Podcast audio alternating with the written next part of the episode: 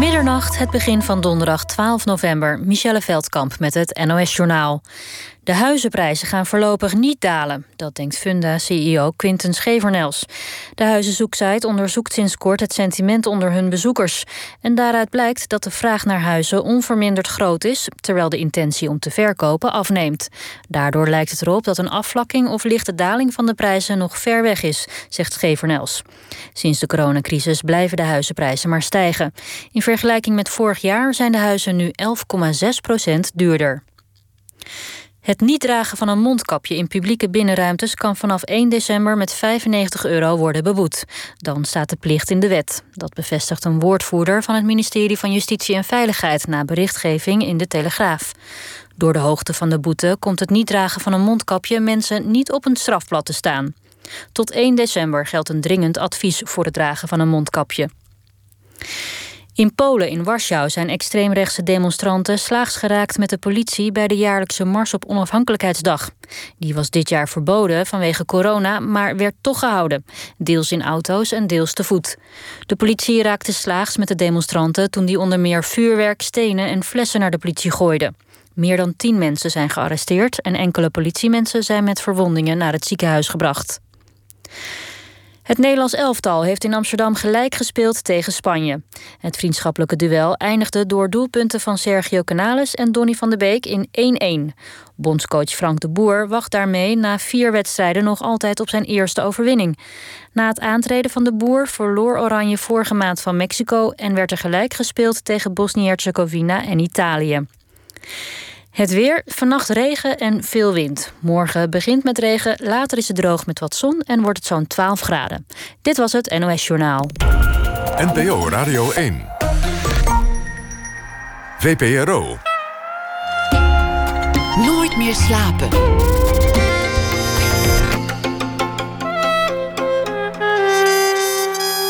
Met Pieter van der Wielen. Goedenacht en welkom bij Nooit meer slapen. De bibliotheek, gevaarlijke plek voor gevaarlijke besmettingen, voor gevaarlijke ideeën en voor gevaarlijke dingen die ze boeken noemen.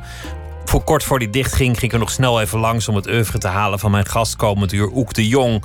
Het begon allemaal met zijn klassieker opwaaiende zomerjurkjes, waarmee hij zich vestigde als schrijver. Hij was jong, halverwege de twintig. Jaren zou hij op een vervolg zitten te broeden en liet, zich, liet wachten op dat vervolg. Bij vlagen getergd door depressies. En nog steeds gebeurt dat wel eens, dat een nieuwe Oek de Jong lang op zich laat wachten. En dan ineens is er weer een groot werk, zoiets als uh, Pier en Oceaan. Naast romans schrijft hij, en dat is minder bekend, ook essays en beschouwingen. En die zijn ook de moeite waard. Het glanzend zwart van mosselen is dan ook de titel van een nieuwe bundeling. Een kloekwerk van zo'n 750 bladzijden. Essays over de schilderkunst, over literatuur, over schrijverschap. Over de toekomst van de roman in een beeldcultuur. En over Oek zelf. Zo las ik bijvoorbeeld dat opwaaiende zomerjurkjes bijna de titel Pathetische Sonaten had gekregen. En dan was het vast geen bestseller geworden, vermoed ik. Oek de Jong werd geboren in 1900. 52. Ook hartelijk welkom. Leuk dat je er bent. Goedenavond. Het, het, het is, uh, het is een heel klein detail in, in, in, in je hele leven en in je werk. Maar, maar op de een of andere manier vond ik het veelzeggend. Dat je, dat je als kind een lui oog had. Ja. En dat er dan zo'n stickertje overheen moest. Uh, stickertje, ja, een pleister. Zo'n pleister, een plakker. Ja. Hoe, hoe lang heb je met zo'n plakker gelopen? Um, ja, dat heeft zich een aantal jaren voorgedaan. Dat is, uh, ik, ik, ik, herinner me een foto van mijn, van mijn vierde. Uh, toen woonden wij in Dokkum. Um, aan de rand van de stad. Uh, we hadden een tuin. En ik probeerde daar met, met een pleister voor mijn goede oog... Uh, zit ik daar op mijn hurk in het gras uh, en probeer ik madeliefjes te plukken. En uh, dus ik, mijn vader heeft kennelijk een foto genomen met zijn boxcamera. maar je ziet mijn hand gewoon echt naast het madeliefje zitten. Want je, want je ziet niet goed diepte als je maar één oog hebt. Nee, mijn, mijn linkeroog is lui en daar, ja, daar zie ik heel weinig mee. En dat is, uiteindelijk hebben die pleisters jarenlang in de vakanties en ook uh, onder schooltijd uh, weinig uitgericht.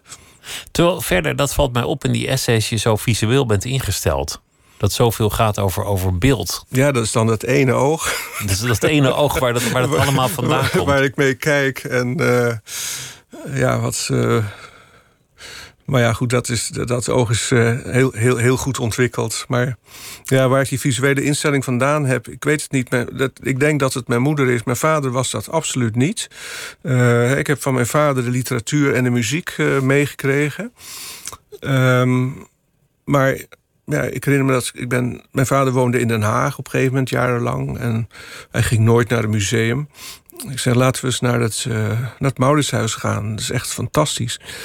Um, toen ben ik met mijn vader door het Mauritshuis gegaan. En ja, het was echt verbijsterend. Mijn vader was een prater. En nou, hij, hij zag gewoon helemaal niks. Uh, hij keek niet naar die schilderijen. Hij wilde gewoon met mij praten. Dus het deed hem niks? Nee, uh, maar gewoon... En ik heb het uh, van, zijn, van, zijn laatste, van zijn laatste vrouw heb ik het ook wel eens gehoord. Ja, dat je met hem echt door een museum kon lopen. En, en dat hij er gewoon... Hij had er helemaal geen oog voor. Het interesseerde hem niet.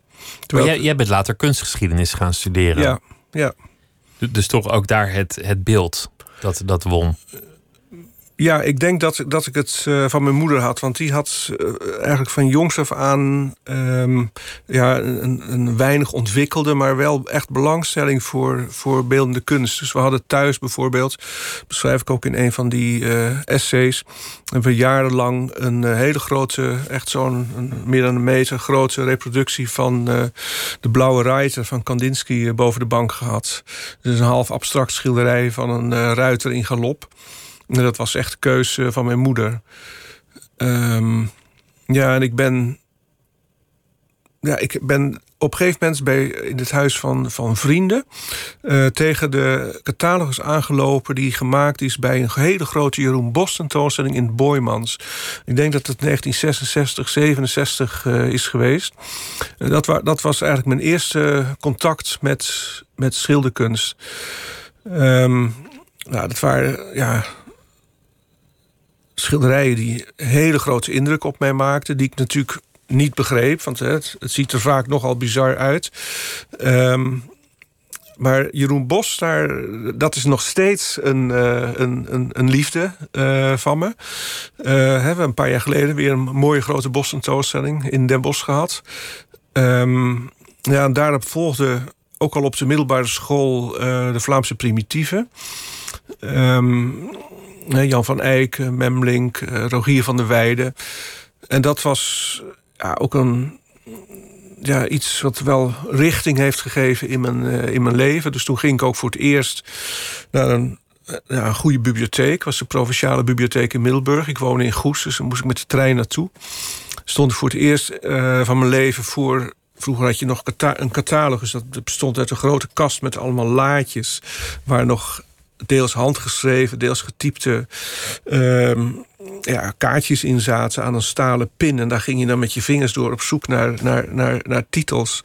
Was, dat was echt een moment voor mij. Ik had het gevoel van nu betreed ik de wereld van de wetenschap. Nu begint het. Of nu kom ik in een domein waar ik, uh, waar ik echt naartoe wil. En ik mocht toen ook nog... Um, Um, ja, die prachtige boeken van Max Friedlander.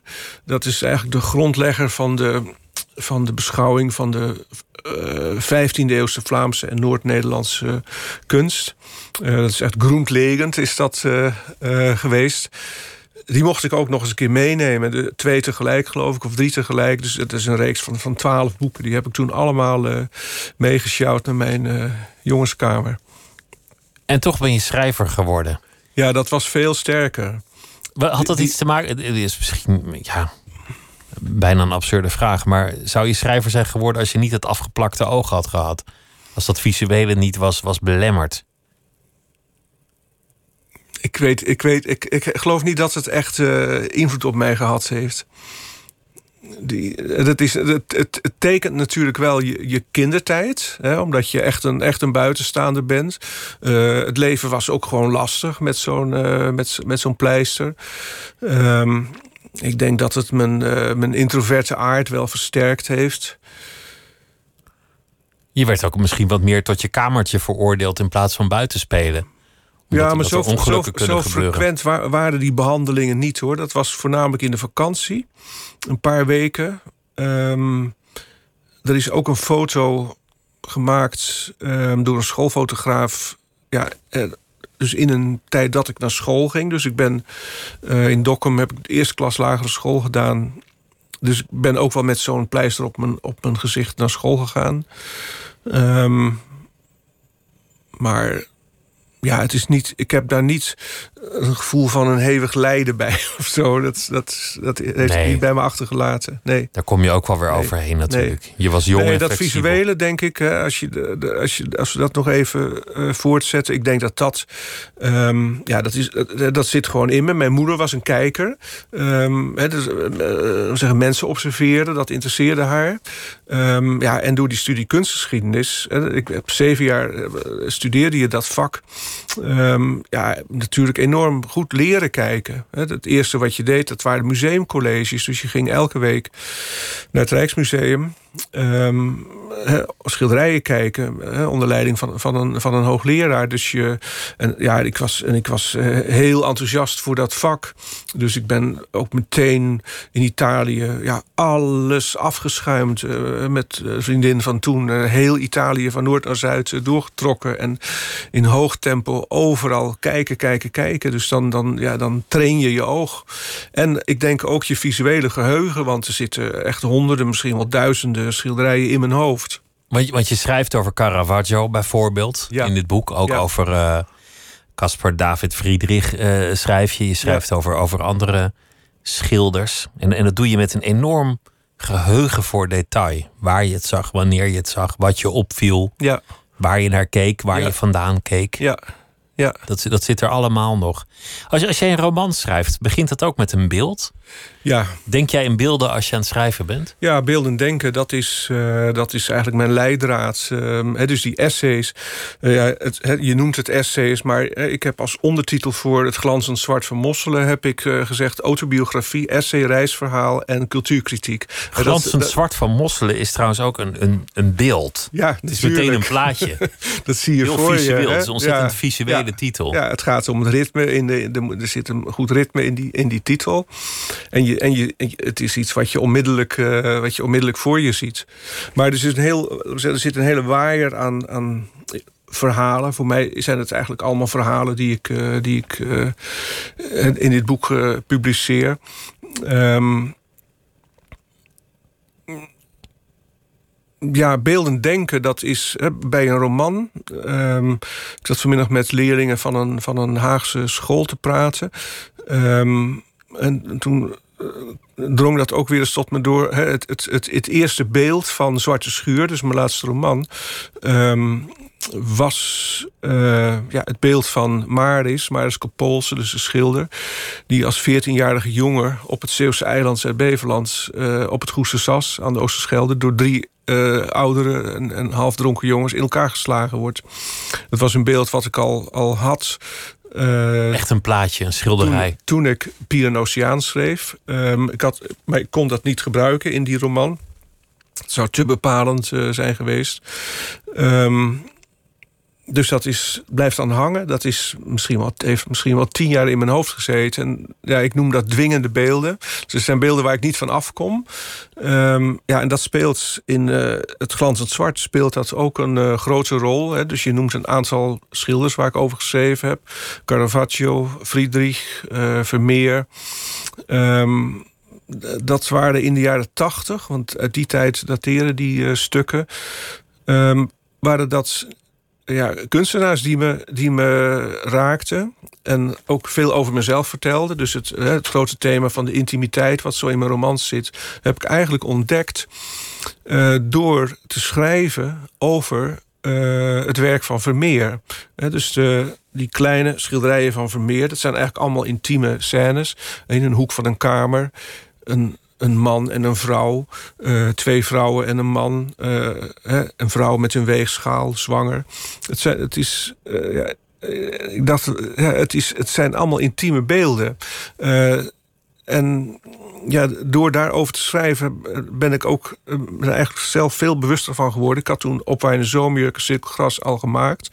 Dat, dat dat me eigenlijk enorm interesseert. Dus dat Wat die intimiteit is, wat, wat erotiek is misschien. Of wat, intimiteit is voor mij heel ruim. Hè. De het kan van alles zijn. Erotiek en seksualiteit zitten daarin. Maar het is, het is, het is veel ruimer. Hè. Het is gewoon het, het, het intieme, het private leven van, van mensen. En ook de, de intimiteit hè, in, in relaties. Maar dat heb ik, ik weet het wel zeker, echt ontdekt. omdat ik op een gegeven moment van één kwaliteit Ehm, in die schilderijen van Vermeer heel sterk bewust werd. En dacht Wat was dat dan? Wat zag je in Vermeer waardoor je dacht, zo moet ik, ik schrijven? Zag die, ik zag die intimiteit in die scènes en ik dacht, dat vind ik heel interessant. En, ehm, en dan is de, de volgende stap is dan meteen van... ja, maar dat vind ik interessant omdat ik daar zelf ook mee bezig ben. Maar, maar kun je dat omschrijven wat er zo intiem is aan een, aan een, aan een meisje met een kan... waardoor jij denkt, zo, zo moeten mijn boeken zijn? Ehm, nou, niet zo moeten mijn boeken zijn, maar je ziet dat Vermeer um, ja, op een bijna obsessieve manier erin geïnteresseerd is om, om heel dicht bij zijn personage te komen. Om dat heel nauwkeurig uh, uh, te schilderen. En een andere kwaliteit, uh, die ik ook ja, via Vermeer ontdekt heb, uh, ik ben ervan overtuigd dat, dat, dat Vermeer eigenlijk de, de zichtbare wereld um, uh, ja, verheerlijkte, zou je kunnen zeggen. Of he, vereeuwigde in zijn schilderijen. Dus door, door heel sterk in te zoomen op een witte muur of op een, op een geel zijde jak. En dat heel precies te schilderen. ja, verheerlijkte hij eigenlijk de, de, de, zichtbare, de zichtbare wereld. En dat is wat ik. Um, ja, in mijn, in mijn essays doe ik dat, door over schilders te schrijven. Maar in mijn romans doe ik dat ook. Dus Pier en Oceaan is in zekere zin ook ja, een vereeuwigen van heel veel uh, plekken en details uit een wereld, hè, jaren 40, 50 en 60, die eigenlijk al geschiedenis is. Eigenlijk de wereld van je ouders, zei, of de generatie van je ouders. Ja, mijn grootouders, mijn ouders en mijn eigen jeugd. Hè. Dat, um, maar dat voel ik dan wel heel sterk. Dat ik, uh, ook, ik, ook een soort, ik voel ook een soort tevredenheid als ik. Um, ik heb leren zwemmen bij het, uh, bij het Goese Sas. Dus uh, in het kanaal voor de sluizen. En, en dan, daar stond een duiktoren. Gewoon een eenvoudig houten bouwsel. Um, en op de, op de duikplank hadden ze als anti-slip materiaal... hadden ze gewoon een kokersmat gespijkerd. Die werd natuurlijk nat op een gegeven moment.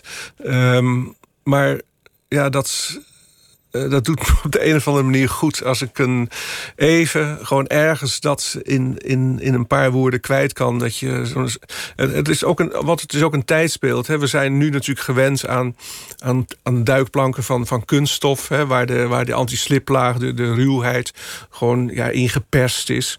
Um, ja, en in die tijd dat ik, waarin ik jong was ja, werd dat nog met de hand gemaakt. En heel eenvoudig dachten ze, nou, hoe kunnen we dat nou doen? Nou, dan gaan we daar gewoon een stuk, uh, een stuk kokersmat. uit een kokersmat knippen en dat, dat spijkeren we gewoon. Maar het is net als je, zoals je net al de bibliotheek omschreef, door te beginnen over een kaartenbakje waar je met je vinger doorheen moest, van, van met handgeschreven kaartjes in, in een stalen bak. Proberen in één beeld een tijd een plek, alles, alles te beschrijven. Ja.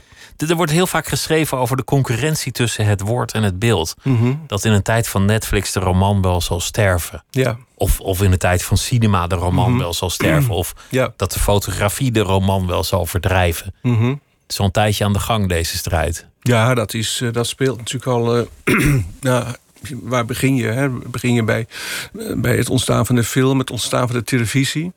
Hè, Philip Roth, dus de grootste Amerikaanse eh, auteur, die.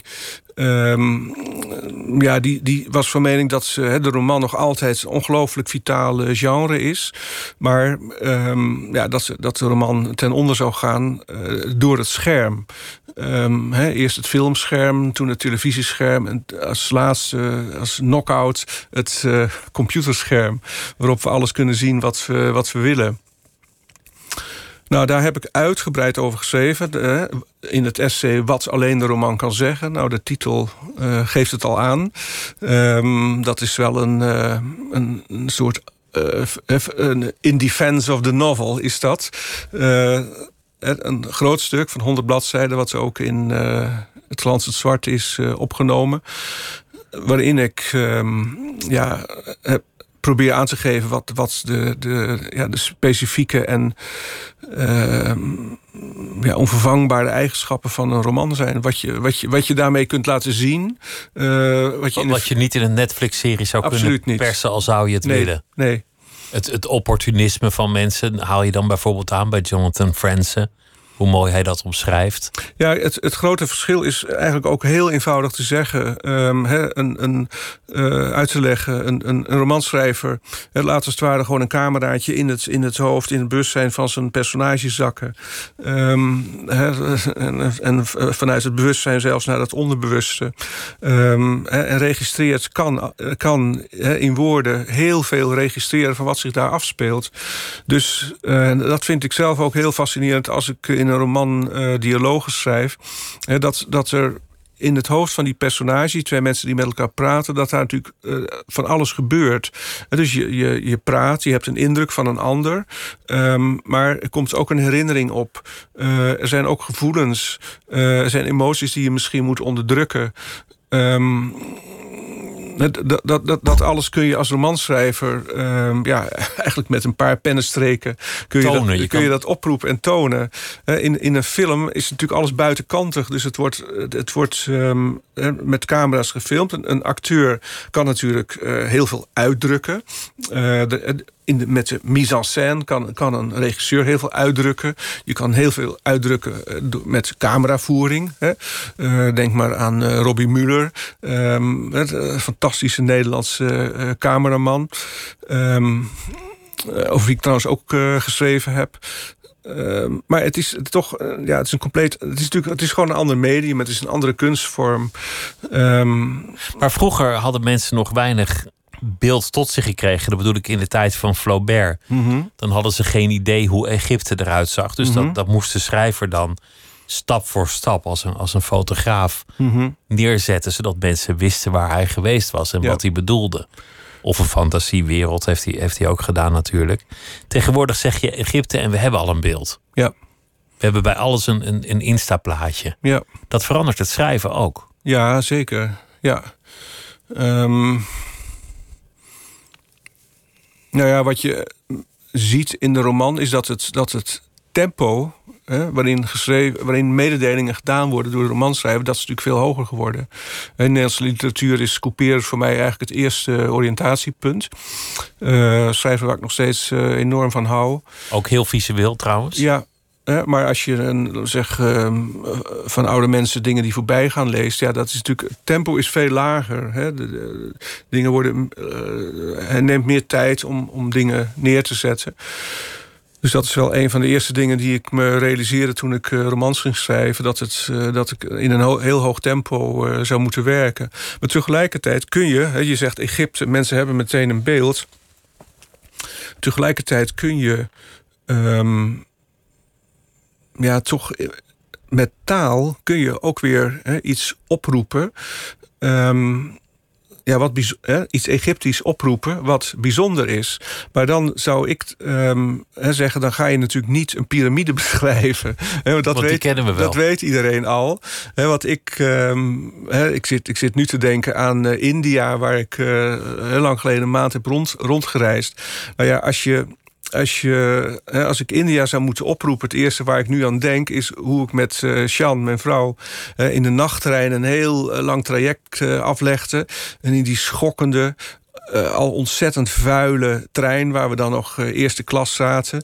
Achter getraliede ramen met onze, met onze koffers aan een ketting. Dus als je in slaap viel, kon die koffer niet gejat worden.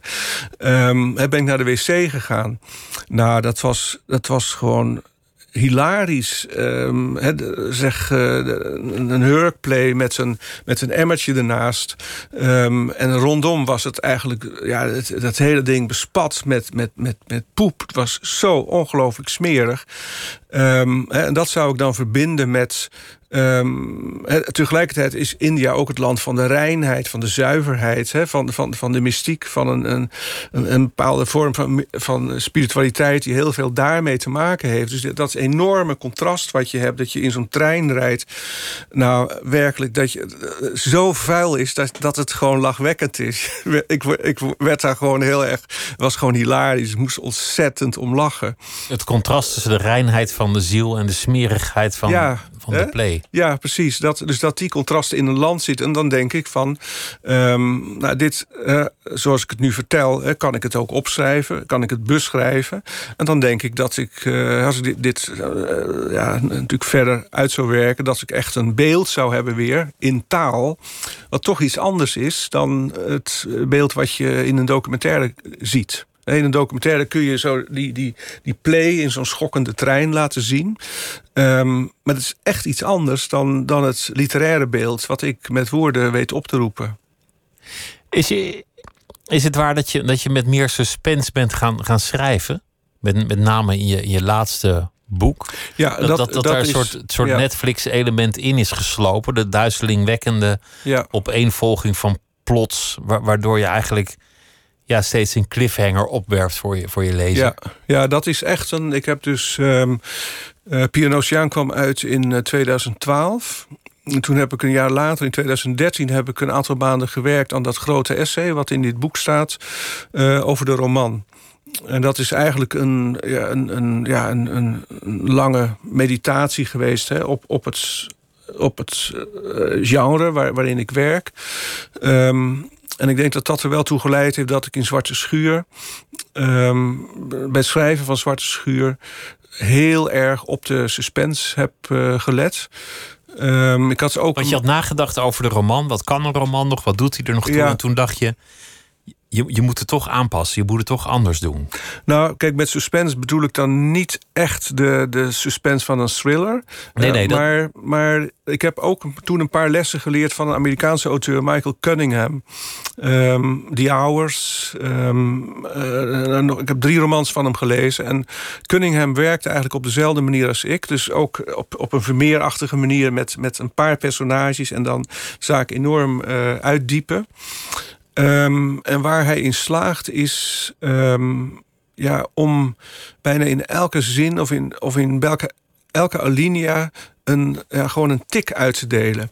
Dus dat is suspense eh, creëren op een heel subtiele eh, manier. Dus daar, en daar ben ik toen wel gaan bestuderen van zeggen, wat, wat, wat kun je doen? Hè? Dus dat ben ik in Zwarte Schuur gaan doen, dat ik eigenlijk steeds ehm, iets doe waardoor ik de lezer prikkel. Dus ofwel door een formulering, ofwel door ehm, ja, iets tussen twee personages te laten gebeuren in een auto.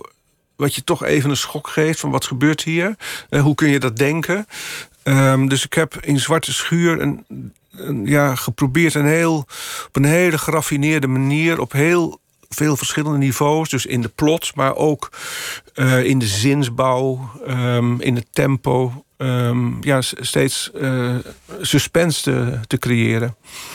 Om je toch te verhouden tot je gedachten over die kunstvorm van de roman. We we hadden het over jouzelf als, als jonge man en dat je uiteindelijk ging schrijven. En jouw jouw eerste boek is altijd aan je naam verbonden. Ja, Oek de Jong, zeg Oek de Jong. En iedereen zegt meteen als een soort karaokekoor opwaaiende zomerjurkjes. Ook omdat Ja. het een, een mooie titel is natuurlijk. Ja, Maar ook omdat het, ja... ja. op een enorm- zomerjurken. Hè, is het. Jurken. Ja, ik. Heb er, ik heb er jurk. Ik maak overal zit- verkleinwoorden van Je zit helemaal met een verkleinwoord, ja. Maar je was jong toen, toen, dat, Ja, toen het uitkwam. En, de- en toen, dat, toen dat weergeloze succes gebeurde. ja. Nou, een van de grote verhalen in eh, het Glanse Zwart van Mosselen is dus eh, dit verhaal over het eh, ontstaan van opwaaiende zomerjurken. De weg van de schrijver heb ik dat genoemd. Ehm, en dat heb ik gemaakt toen het boek 30 jaar bestond en in een speciale editie werd gelanceerd. Dus aan 20, 30 pagina's. En ben ik eigenlijk ehm, eh, ehm, de, de, de hele ja, zeg, historische context, mijn leven uit die tijd, simpeler gezegd, hè, waarin die roman is ontstaan, ben ik gaan reconstrueren. Dus ik ben eigenlijk, dat is al in het begin een beetje ehm, eng, vond ik het, maar op een gegeven moment toch wel heel interessant, ook via brieven, want ik bewaar gewoon belangrijke brieven. Ehm, ben ik gaan reconstrueren van, van hoe- ja, hoe zat ik nou in die tijd in elkaar? Hè? Waar woonde ik precies? Ehm, ehm, ja, wat, wat, wat speelde er in mijn leven. dus de, laten we zeggen, de muziek waar ik... Uh, ik was in die tijd, uh, hadden we het net even over... Uh, John Coltrane. was ik heel erg met John Coltrane bezig. De, la, de, de The Other Village Wanger tapes met Eric Dolphy. Uh, Kunstgevoegen van Bach. Maar ook, laten we zeggen, de dood van mijn grootvader speelde een rol. Um, de ontdekking van Rome in 1978. de Moro-affaire, dus de ontvoering en dood van de politicus Aldo Moro. Um, ja, hoe, zeggen, hoe vrouwen in, in, mijn, in mijn leven kwamen hè, toen. Ik begon net bekend te worden als verhalenschrijver. Um, nou, dat, dat trok wel aan. Um, nou, zo heb ik geprobeerd om allerlei aspecten te, te, te, onder, te onderscheiden. Want je werd aantrekkelijk voor vrouwen, want je had een talent. Ja, dat is. Dat je had is, eigenlijk uh, al een soort jeugdliefde, maar die moest je laten gaan. Maar je had niet de moed om dat te doen, om die nee, breuk dat, eraan nee, dat is echt. Dat was ja, het is gewoon mijn eerste, mijn eerste huwelijk, zou je kunnen zeggen. Heeft 15 jaar geduurd. Um, ja, is voor ons allebei heel pijnlijk geweest. Het heeft ook jaren geduurd eigenlijk voordat we elkaar los konden laten. Um, ja, speelt ook een rol. Dat kun je ook in Opwaaiende Zomerjurken wel op een bepaalde manier uh, uh, teruglezen. Die spanning zit ja. wel in dat boek. Ja, maar ik heb dus het verhaal geschreven wat ik... Um, ik zou heel graag zo'n verhaal willen lezen over de avonden bijvoorbeeld... van Gerard, uh, Gerard Reven. Het, het, boek wat in 1946 verscheen. Ook, ja, Gerard Reven, de avonden. Um, zo'n verhaal had ik wel ook over de context van... Wie, wie, was die man die dat boek schreef? En, ja, wie waren zijn vrienden en wat was zijn dagelijks leven? Um, dat, uh, dat hield hem bezig? Dat, en... dat, weten we niet. Waar woonde hij precies? Ja, dat kun je wel uitzoeken. Maar uh, ik heb geprobeerd om, um, ja, om het allemaal zichtbaar te maken. De, de hele wereld waarin op waar in de zomerjukken is uh, ontstaan. Hoe heeft, hoe heeft je dat overvallen toen je ineens een gevierd auteur was op, op je 5, 26ste? Dat, dat, dat je ineens op handen wordt gedragen, dat mensen aan je trekken voor een vervolg, dat, dat je allerlei uitnodigingen krijgt voor interviews en lezingen. En, en dat er toch ineens ook een druk ligt van ja, nou, de zeker. volgende oek. Hoe zal dat ja, ik gaan? Zie het, ik, zie het, ik zie het eigenlijk nu uh, heel sterk uh, gebeuren met uh, Marieke Lucas Rijneveld. Die de Booker Prize heeft gewonnen. Ja, hè, dat is natuurlijk omdat we in uh, op de zomerjuk speelt zich af uh, voor de globalisering. En nu zitten we daarin. Dus dat, dat wordt meteen nog groter. Hè. Die boekenprijs die bestond toen niet. Um, tenminste niet voor, voor buitenlandse auteurs. Maar ja, je ziet, je ziet bij haar, of bij hem, wat moet ik zeggen? Ja, Marieke, ik zei, ze laat, maakt het natuurlijk ook niet uit wat ja, iemand is. Haar, denk ik. Ja, um, je, ziet de druk, dat de druk enorm is. Um, nou, en dat was, dat was uh, in, in 79, 1980 was dat ook zo. Uh, um, op waar de zomer... maar, maar Marieke heeft net een tweede roman die heel goed gerecenseerd is. Dus, ik vind het buitengewoon knap wat ze, wat, wat ze doet. Uh, om, om onder die enorme druk, want haar debuut is ook uh, erg goed ontvangen. Uh, ook meteen vertaald. Um, dat ze toch binnen ja, drie, vier jaar... dat er, en ook dat ze zich ontwikkeld heeft. Dus dat, ik heb het nog niet gelezen, maar dit tweede boek van haar is echt een uh, stap verder. Dat uh, kan ik wel uh, uit de recensies opmaken. Hoe ging dat bij jou? Was er een moment dat je dacht: shit, nu is mijn zegentocht voorbij, nu moet ik echt gaan zitten aan het tweede boek en dat er een leeg vel nou, als een ben, ravijn voor je stond? Ik heb eigenlijk de, de, de, de, de grote verleiding was toen um, uh, het is journalistiek. Dus ik kon meteen eigenlijk gaan werken voor, uh, voor het cultureel supplement van NSC. Vrij Nederland wilde me hebben. Um, daar had ik zo in kunnen gaan. En dan ja, daar, zou ik echt baat bij hebben gehad. Want dan was ik gewoon echt die literaire wereld ingegaan. Dan had ik heel veel mensen leren kennen. Um, ja, dat zou interessant geweest zijn. Maar daar heb ik me meteen helemaal buiten gesteld. Te veel, vind ik zelf. Maar um, ja, ik had het gevoel, er wordt allemaal getrokken. en dat wil ik niet. Je moest zoveel ineens. ja. Um... Maar het is een wonderlijk moment. Want, want ja, je was een jongen die bezig was met verhuizen. En dan, en, dan, en dan kocht je een tafeltje en je had een liefje. Maar er was iemand anders. En het was allemaal een beetje ja, een, een, een fladderig gewoon, leven. Gewoon van die, ja, wat, een zoals, jong, het, zoals, het op die leeftijd, zoals het op die leeftijd is. Leven en ineens ben je een gevierd auteur en, en word je pagina's Ja, lang dat is natuurlijk het gekke bij, bij jonge mensen. Ze, ze leiden een, een, een, een, een gewoon leven. eh, zoals heel veel van hun leeftijdsgenoten. Maar in één opzicht wijken ze echt heel sterk af. En dat is dat talent en wat ze daarmee doen. En in dat opzicht was ik echt eh, ja, mijn leeftijdsgenoten ver vooruit. Ja, ik, ik was, ben vanaf mijn 18 en vanaf de dag dat ik in Amsterdam eh, kwam, ben ik gewoon keihard gaan werken. Aan die kunstgeschiedenis en aan die, eh, aan die literatuur. Hè, om van mezelf een schrijver te maken. En ik had mezelf zeven jaar gegeven tot mijn 25ste. Dan moest het duidelijk zijn. Zo Dus ambitieus was je al. Ik ging er, ja, ja, ik begin ook over Rijneveld, omdat dat eigenlijk de eerste jonge schrijver is waarin ik eh, mezelf echt herken. waarin je dus- diezelfde gedrevenheid ziet. Ja, dus dan zeggen, ze schrijft vanuit een hele sterke noodzaak. Ehm, ze schrijft vanuit zijn onderbuik. Ehm, ja, en de drive is enorm. Maar er zijn er toch al meer geweest. Jonge schrijvers met een enorme drive. Ja, maar ik heb het bijvoorbeeld, dat gevoel heb ik bij. Misschien ook omdat ze uit een wereld komt die ik. Ja, het is niet. Hè, dat gereformeerde milieu waarin zij opgegroeid is, is niet ehm, mijn gereformeerde milieu. Maar ik, ik herken toch iets. Ehm, maar ook de, ja, de rijkdom van haar taal bijvoorbeeld, dat is echt. eh, iets ongelooflijks. Ehm, de kracht die in die zinnen zit. Ehm, en zoiets heb ik bij Grunberg. Want dat is dan eigenlijk. Hè, zij zit eigenlijk al twee generaties achter mij. Grunberg is één generatie. Heb ik bij Grunberg bijvoorbeeld niet gehad. En dan had je Franka Treur tussendoor. En eh, nou ja, zo nog een Vind paar. ik, vind ik onvergelijkbaar. Dat, Oké. Sorry, maar ja. Ben je, ben je in een, ehm, echt in een depressie terechtgekomen toen? Als. Nee, nee ik, heb, ik, heb, ehm, ik heb mezelf geïsoleerd. Dat, had, dat is eigenlijk, ehm, ja, achteraf gezien was dat niet heel erg verstandig. Had ik gewoon minder moeten doen. Maar dat was gewoon de, ehm, ja, de, de druk werd gewoon heel erg hoog. Dus ik ben toen. nou, ik heb me ook teruggetrokken uit Amsterdam, want ik werd overal herkend. Hè. Tenminste op de plekken waar ik kwam: bioscopen, boekhandels, eh, theater.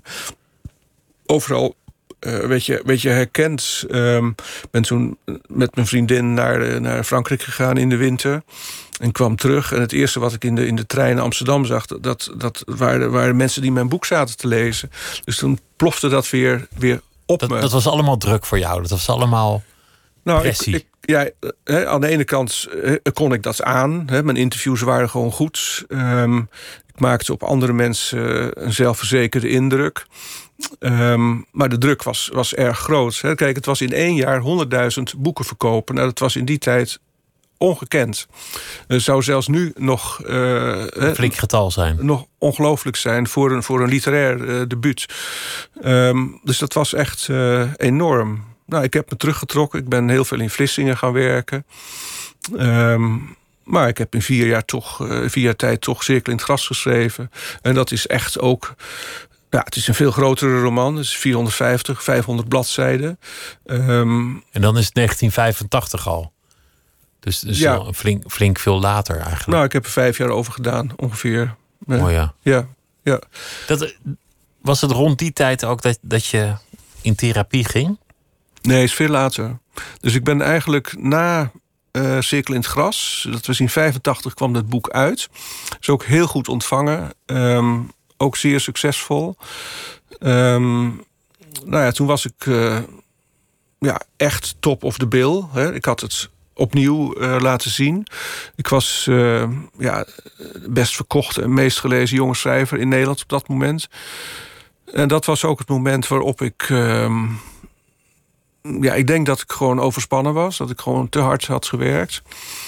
Ehm, dus nu zou je dat een burn-out noemen. En toen heb ik gewoon een flink aantal jaren echt eh, allerlei problemen gehad. Ook praktische problemen. Ik heb een, zeggen, een, een appartement in Amsterdam eh, in een oud grachtenpand gekocht. Ehm, en dat, dat huis begon te verzakken. Dus ik heb twee jaar ehm, ellende gehad met, eh, met ja, nieuwe fundering voor dat huis. Rechtszaken met, met de buren waar ik in raakte. Dus je zat in een vochtig, krakend, inzakkend huis.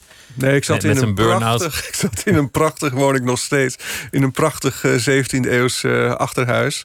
Maar het was wel zo dat, ehm, dat de scheuren in de muren sprongen van boven tot onder. En je kon je hand erin steken. Dus dat was, ja, als je 2 of 33 bent eh, en totaal geen ervaring met huizen hebt, was dat heel eh, angstaanjagend. Daar kan ik me bij voorstellen. Wat, wat, wat heeft therapie je gebracht uiteindelijk? Ik heb uh, psychosynthese gedaan. Wat is dat? Voor de kenners. dat is een bepaalde vorm van uh, psychotherapie. Uh, ontwikkeld door, ik weet er heel weinig van. Ik heb de theorie ken ik niet. Het is van Assagioli, een, een Italiaan. En ik denk dat hij in de buurt van uh, Jung zat met zijn, met zijn denkbeelden. Nou, wat, wat mij door die therapeut is bijgebracht... ik heb dus drie jaar gedaan. het was een echtpaar. Ehm, hij was monnik geweest. Hij kwam uit, zijn, uit een klooster. Een hele interessante man. Ik heb... Um, anderhalf jaar met hem gepraat en toen nog anderhalf jaar met zijn, met zijn vrouw. En het idee bij psychosynthese is dat je, ehm, dat je als mens um, ja, uit, zeg, eh, dat je in een gebouw bent, dat, je, dat er verschillende verdiepingen zijn. Dus laten we zeggen zeven, hè, acht, acht verdiepingen. Dus dat begint um, op het instinctieve niveau. Um, je seksuele leven, je gevoelsleven. Dat gaat zo door tot, tot, de, zeg, uh, tot uh, de hoogste spirituele ervaring. Dat vond ik een heel interessant uitgangspunt. En wat, wat is de hoogste spirituele ervaring? Nou ja, je, je, een, een, het vinden van, van, van een bepaalde vrijheid, denk ik. En, en van een. Van een um, ja, ik, beschrijf dat ook in verschillende essays. Hè. Komt dat, is dat, komt dat, komt dat uh, terug? Bijvoorbeeld um, een nacirkel in het gras heb ik uh, twee weken in mijn eentje doorgebracht op Pantelleria. Dat is een uh, eilandje ten zuiden van Sicilië, vlak bij de, noord, bij de noordkust van, van Afrika. Had ik een huisje aan zee gehuurd. Ik was eigenlijk totaal uitgeput toen ik daar, toen daar kwam. En tegelijkertijd um, Um, ja, ik, ik stopte met roken, ik stopte met drinken, ik at heel weinig en ik was de hele dag alleen maar aan het lopen. Ik liep echt 30, 40 kilometer per dag. Uh, en ik begon de dag met uh, tai chi oefeningen. Um, nou, dat was eigenlijk één doorlopende um, piekervaring die ik daar uh, heb gehad. Dus dat ik me in een hele grote ruimte bevond. ik, ik voelde me verbonden met alles om me heen. Um, hè, en mijn dagelijks leven, mijn dagelijks problemen, die, die waren er ook nog wel. Maar dat, die zaten als het ware een beetje ergens aan de oppervlakte of zo. Dat, dat speelde ook nog. Maar de ruimte waarin ik me ja, met mijn geest bevond, was gewoon veel, veel, veel groter. Bij een roest door geen roes aan te gaan. Sorry? Nou ja, door niet te drinken juist een roes krijgen eigenlijk. Of een soort roesachtige dat het, dat ervaring. Dat het een reactie was. Dus ik had, ik had jarenlang onder een enorme druk uh, gestaan. Dus ik, ik, ik, ik ben wel blij met die vergelijking die ik in dat verhaal uh, heb uh, gevonden. Um, landschap met inktvis heet het. Um, ik vergelijk het met een, met een bal die je, zeggen, die je heel diep onder water drukt en dan loslaat. En dan knalt hij naar boven, heel hoog uh, boven oppervlakte uit. En ik denk dat dat eigenlijk was wat er met mij uh, gebeurde. De neerwaartse kracht werd opwaartse kracht. Ja, ik had dus heel lang enorm onder druk gestaan, omdat ik die roman moest uh, produceren. Um, en ik had de drukproef ingeleverd. En toen ben ik naar uh, Pantelleria gegaan hè, om even uh, een frisse neus uh, te halen. Dus die, die last was van me afgevallen. En toen, ja, toen knalde ik omhoog. Um, en dat vond ik dus in die, in die psychosynthese vond ik dat interessant. Hè, om het even af te maken. De verdiepingen van de mensen en de hoogste is het spirituele. Nou, zeg, hun benadering is dat je uh, naar al die niveaus moet kijken. Al die niveaus zijn met elkaar verbonden. Uh, hè, en om als mens uh, goed te kunnen bestaan, moet je aandacht besteden aan al die niveaus. Dus het eerste wat die psychotherapeut tegen mij zei is: um, je leven is gewoon veel te smal. Um, ik was voornamelijk bezig met, met schrijven. En dat beschouwde ik gewoon als een soort topsport. En ik, ook met die mentaliteit was ik, daar, uh, was, ik daar, was ik daarmee bezig. Maar hij zei, je leven bestaat ook uit een aantal vliegwielen. Die draaien. Hè? Dus je hebt je, je hebt je familie, je hebt je vrienden. Je hebt je huis, je hebt je werk. Je hebt je seksleven. Um, um, dat moet allemaal draaien, hè, wil je een goed bestaan kunnen hebben. Dus wat je doet is, je loopt langs die vliegwielen... en die geef je allemaal een zwiep. Hè?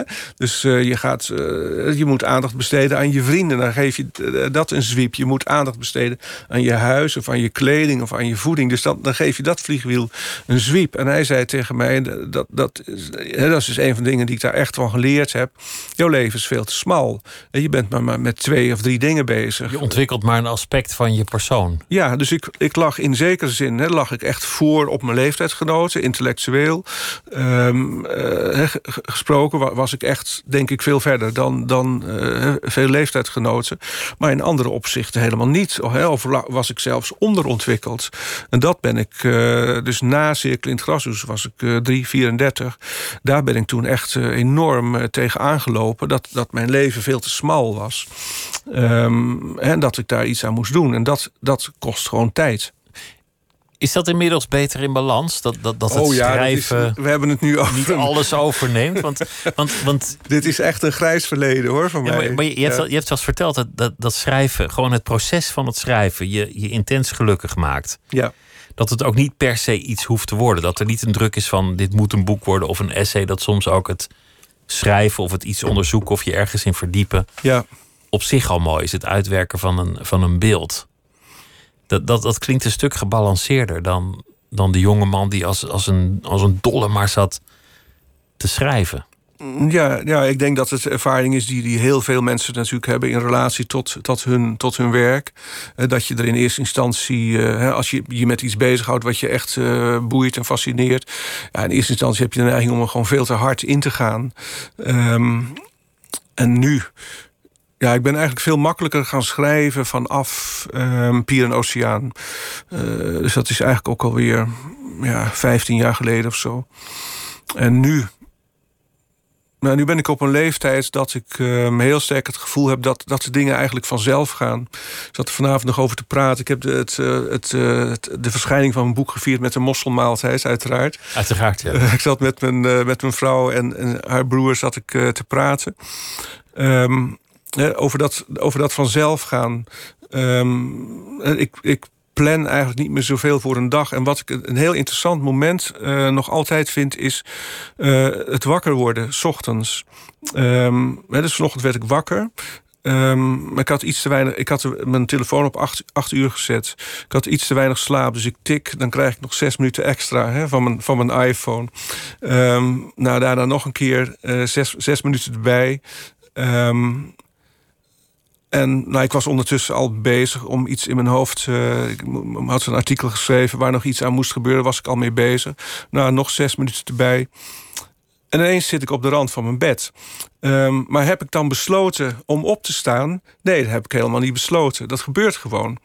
Um, en dan zit ik echt met een big smile. Uh, besef ik dat. Van hé, hey, ik ben gewoon opgestaan. Um, en ik heb helemaal niet bedacht, ik ga nu opstaan. Of ik heb mezelf niet gedwongen om op te staan. En ik denk dat dat wel. De uh, benen hebben besloten. Het lichaam of de geest of iets hè, wat je bent, uh, heeft, heeft dat besloten. En ja, zo gaat mijn leven op het ogenblik heel sterk. Dat ik aan het begin van de dag voel ik, of weet ik eigenlijk meteen van nou, deze dingen moet ik nu absoluut vandaag doen. Um, maar ja, verder hoef je ook niet na te denken. Het, het, het, gebeurt vanzelf. Het is wel jammer dat je zo'n zo'n uh, zoiets op zo'n manier kun je niet leven als je 25 bent. Dan, heb je, dan leef je veel meer vanuit wilskracht en vanuit, uh, vanuit stress, adrenaline. Hè. Dingen moeten gebeuren. Je, je, je bent uh, aan het zoeken, je bent aan het plannen. hoe ga ik het voor elkaar krijgen? projecties in de toekomst. Um. Maar, maar je stelt dat bij. In, in, in veel van je werken, daar schrijf je ook over in, in dit boek, gaat het ook over mystiek. En, en mystiek vind ik een, een interessant gegeven. De, je, je, hebt een, een, religieuze opvoeding, maar dat is het niet. We hebben, we hebben het niet over geloof. Nee. Mystiek is een soort openbaring van iets. Wat, wat, wat een beetje in de buurt ligt van wat je net zei. De verschillende mm -hmm. lagen waarin je mens kan zijn. Maar, maar wat, wat is mystiek precies voor jou en, en wat, wat vind je daarin? nou, ik heb, er staat een essay over mystiek in dit, uh, in het boek. Uh, niet handelen, niet weten heet het. Um, nou, die twee woorden zeggen al iets. Hè. Je gaat het domein in. Dus wat ik net beschreef. Um, hè, dus um, dat je opstaat. Hè, of dat je plotseling merkt dat je bent opgestaan. Zonder wilsbesluit. Zonder wilsbesluit. Dat valt voor mij in het domein van het, van het niet handelen. Hè? Dat komt ook uit het Taoïsme, waar ik me hè, jarenlang in, uh, in, in, verdiept heb. Um, het, het, het concept van het niet doen. Hè? Um, en terwijl toch alles gedaan wordt. Dat is een, een, een, ja, een idee een, manier van leven die me, die me erg aanspreekt. Dus ik vind um, opstaan zonder dat je jezelf dwingt of een bevel geeft. Het, gebeurt gewoon. Dat, is, dat, is, um, dat valt voor mij onder niet handelen. En dat voelt als vrijheid? Om, omdat dat, voelt, dat voelt als vrijheid. Dat er geen druk is. Ja, en zo heb je ook het domein van het niet weten. Hè, waar, waarin je eh, dingen weet zonder, zonder ze te weten. Um, of zonder erop uit te zijn om ze, om ze uh, te weten. Noem daar eens een voorbeeld van. Mm. Nou, bij het schrijven maak ik daar heel veel gebruik van. Dat ik iets uh, weet zonder dat ik me er heel erg van bewust ben dat ik het weet. Hè. Dus jij vroeg van, van waaruit ontstaat nou wat, je, wat je schrijft. Dan was het mijn antwoord uh, het beeld, het beelden denken. Um, het interessante daarvan is dat ik, ik denk in beelden. Ik begrijp ook veel dingen door, door beelden. Het blijkt ook heel sterk, denk ik, uit de manier waarop ik praat. Um, uh, maar een beeld um, heeft een inhoud die zich ontvouwt op het moment dat ik begin te schrijven. Dus ik heb alleen maar dat beeld van een jongen die vernederd wordt en door drie andere jongens in elkaar geslagen wordt. Dat, dat is het. Maar als ik dat begin te schrijven, ja, dan, dan ontvouwt zich iets. Hè, dan blijkt dat beeld heel veel te bevatten. En dat kun je ook het beelden denken kun je ook uh, beschouwen als een vorm hè, van, van, van, van niet weten. Je, je gaat uit van een beeld. Uh, zonder eigenlijk te weten hè, wat dat beeld allemaal uh, inhoudt, wat het allemaal um, los zal maken als je, als je ermee gaat werken. Je hebt gewoon een plaatje ergens van. Niet een plaatje. Het is een. Um, ja, ik zou zeggen, beelden zijn voor mij, um, afgezien van het visuele, um, maar het beeld waar ik het over heb, een beeld wat ik dus gebruik bij het schrijven. Ja, het is een vorm van innerlijkheid, zou je kunnen zeggen. Het, is niet, het, zit, het heeft, kan wel een visueel aspect hebben, omdat ik bij, dat, bij die scène zie ik dat goed sas wel vormen. Uh, het heeft wel een visueel aspect, maar het is het, wat ik een beeld noem en van waaruit ik werk, is eigenlijk veel rijker dan alleen maar um, iets, iets, iets voor je zien. je kunt ook zeggen de. Um, nou ja, ik begin er eigenlijk. Uh, het glans en zwart van Mosselen begint eigenlijk met, met een beschrijving van het beeld denken. Um, ik, ik ben in, in Kiel, een Duitse havenstad, een marinestad. Uh, en ik kom bij zo'n uh, bij kaart, kaartenstandaard, ansichtkaarten voor toeristen. Uh, ik, ik, draai, het is winter. en ik, voelde, ik was daar writer in residence en ik voelde me eenzaam. Dat was gewoon helemaal niet leuk daar. Um, en ik was ook net in een, in een Duitse U-boot geweest. Het was heel beklemmend. Dus zo'n zo'n onderzeeër uit de Tweede Wereldoorlog. Een hele grote beklemming voelde ik. Um, en ja, uit die, uit die standaard met ansichtkaarten, daar zag ik, het was allemaal oninteressant, maar ik zag dus één foto um, die me meteen raakte. En wat was dat? Um, dat is een, uh, was een, kleurenfoto met heel veel mooi blauw en zwart erin. Dat is een combinatie die, waar ik van hou. Maar je zag dus een, een mosselvisser met zijn helper uh, aan de rand van een mosselkotter. En ze waren bezig om zo'n korf met mosselen, dus zo van de zeebodem geplukt. Korf komt dan boven water, die trekken ze aan boord van het schip. Dan gaat hij open en dan donderen al die mossels in dat, uh, in dat ruim. Dus ik zag die foto.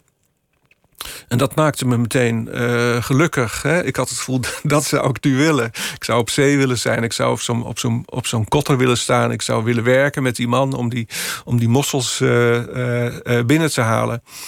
Um, en dan weet ik zeker dat ik, um, als ik nog dieper op zo'n beeld in zou gaan, dat ik daar heel veel uit zou kunnen halen. Dus mijn, dan zeggen, mijn liefde voor de zee. Voor, ik heb een, een, binding met, met, met van die kleine vissershavens. Um, die kleuren die ik noem, dat blauw en dat zwart. Die, die, eh, wat ik mooi vond aan die visser, is dat hij zo. Dat zag je vroeger in de jaren 50 waren alle mensen nog mager. Hè? Dikke mensen waren er bijna niet. Dus hij had een, mooi soort magerte.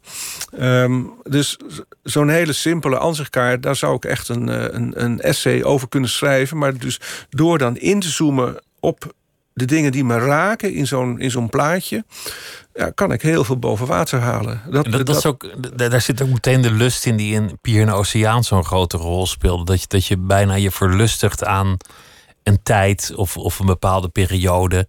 Het is niet nostalgie, het is iets anders. Het, het is dat je het bijna wil aanraken terwijl je het niet meer kan aanraken. Ja, in Pier en Oceaan heb ik dus ehm, ja, wat ik in het begin van ons gesprek uh, al zei. Hè, ik heb heel veel dingen willen vereeuwigen, op een bepaalde manier willen vastleggen. Ik moet nu ook denken aan een uitspraak van uh, Sol Bellow, dus een andere grote Amerikaanse romanschrijver. Um, die zei dat je, dat je in, in de roman het dagelijks leven kunt uh, transcenderen. Um, dus je, overstijgt het eigenlijk in de, in de literaire vorm. Kun je het, en dat is ook precies wat, wat ik in, in, het, uh, in de schilderijen van Johannes Vermeer zie. Er zit een vorm van transcendentie in. Uh, hij laat, hij laat de sublieme schoonheid van, van kleur, van, van een stof, van het licht op een muur, dat laat hij zien. En dat is tegelijk eigenlijk een, ja, een overstijging. Zo, zo, zo ervaren wij dat als overstijging van het, van de, van het dagelijks leven. En andere uitspraak die ik, uh, die ik citeer, dat is eh, Baudelaire. Uh, in, mijn, in, mijn, in een van mijn essays. Baudelaire die roept zo, zo ja, prachtig. Uh, ik hoor zijn stem er bijna bij van... Ja, jullie gaven mij modder en ik heb er goud van gemaakt. En dat is eigenlijk wat ik, uh, wat ik, uh, wat ik ook in literatuur... of in mijn, in mijn romans en in mijn autobiografische stukken probeer te doen. Ik probeer ook een transformatie tot stand te brengen. Een vorm van transcendentie. Um, schoonheid te laten zien. Um, ja, steeds dieper in dingen door, door te dringen. Morgen is trouwens een belangrijke dag, want dan uh, komt de, de bekendmaking van de winnaar van de Boekenbonprijs. Ik moest zelf even denken, Boekenbonprijs, Boekenbonprijs, maar dat is wat, wat vroeger de ACO Literatuurprijs ja. heette. Die zijn een paar keer van sponsor gewisseld. Ja. En uh, de lieve types van de Boekenbon, die, die doen dat tegenwoordig. Mm -hmm. Jij bent een van de genomineerden daarvan. Ja. Vroeger was dat natuurlijk echt dan een soort feestelijke bijeenkomst en een, en een ja. avond en iedereen in een vlinderstrik. En ja. hoe, hoe gaat dat nu? Zitten jullie dan allemaal bij elkaar met een Zoom-meeting? Of? Nee, het is. Uh, nou ja, ik, ik, ik, was genomineerd voor de Librisprijs. En dat is normaliter is dat een, uh, een groot diner met 150 in het Amstelhotel. In het Amstelhotel. Nou, dat vond ik helemaal niet erg dat dat niet doorging. Uh, omdat dat. Um, ja, je moet gewoon vier, vijf uur wachten op de uitslag. Eigenlijk vind ik het idioot. Ik heb... Het is meedoogloos, want de meeste winnen niet. Want er wint er maar eentje nee. wel en de rest moet, moet dan sportief zijn. Ja, het is echt... Um, en dan een marteling van, van, van, van vijf, zes toespraken.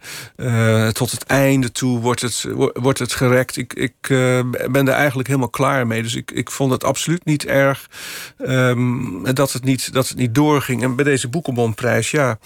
Um, ja, morgen om 12 uur wordt uh, de winnaar gebeld.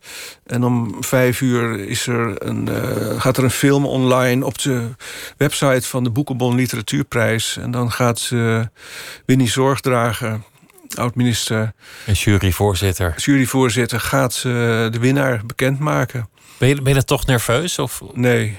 Het zijn die nee, tijden ik geweest. ben echt wel een veteraan aan het worden. Want dit is mijn zesde nominatie, geloof ik. En ik probeer het ook zoveel mogelijk buiten de deur te houden, hoor. Dat is uh, uh, wel een uh, strategie. Dus ik ga niet speculeren.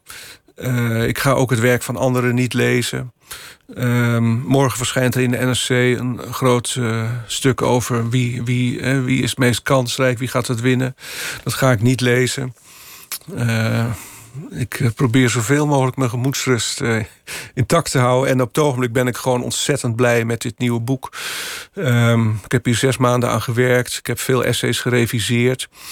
Um, ja, en ontdekt dat, dat, dat 40 jaar autobiografie, essays, reisverhalen. En dat het eigenlijk één grote ideeënwereld uh, is. Dus dat het, dat het veel consistenter is dan ik. Uh, er zit veel meer samenhang in dan je had kunnen vermoeden. Ja, het is echt een, echt een zeg, voor mensen die van mijn romans houden. Even een beetje reclame maken. Als je van mijn romans houdt en je wilt gewoon wat meer achtergrond hebben, dan is dit echt een, uh, ja, een schatkamer, denk ik. Waar je, waar je gewoon hier en daar een stuk kunt lezen. En, en ook voor liefhebbers van, van schilderkunst is het een, uh, is een, is het een mooie bundel om, uh, om te lezen. Dankjewel. Het glanzend zwart van Mosselen heet het uh, boek Oek de Jong. Dankjewel dat je langs wilde komen. Het was me een groot genoegen om met je te praten. Graag gedaan. Morgen dan komt fotograaf Anton Corbijn hier over de vloer. Om te praten over zijn uh, grote boek dat hij heeft gemaakt. En de tentoonstelling over zijn modefotografie. Want dat heeft hij ook gedaan. En zometeen kunt u luisteren naar uh, Miss Podcast met Ron Boshart. Goeienacht en graag weer tot morgen.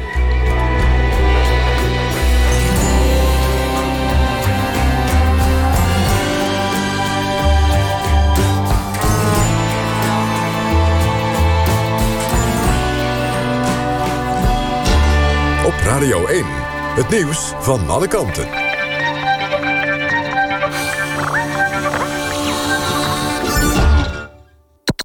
NPO Radio 1.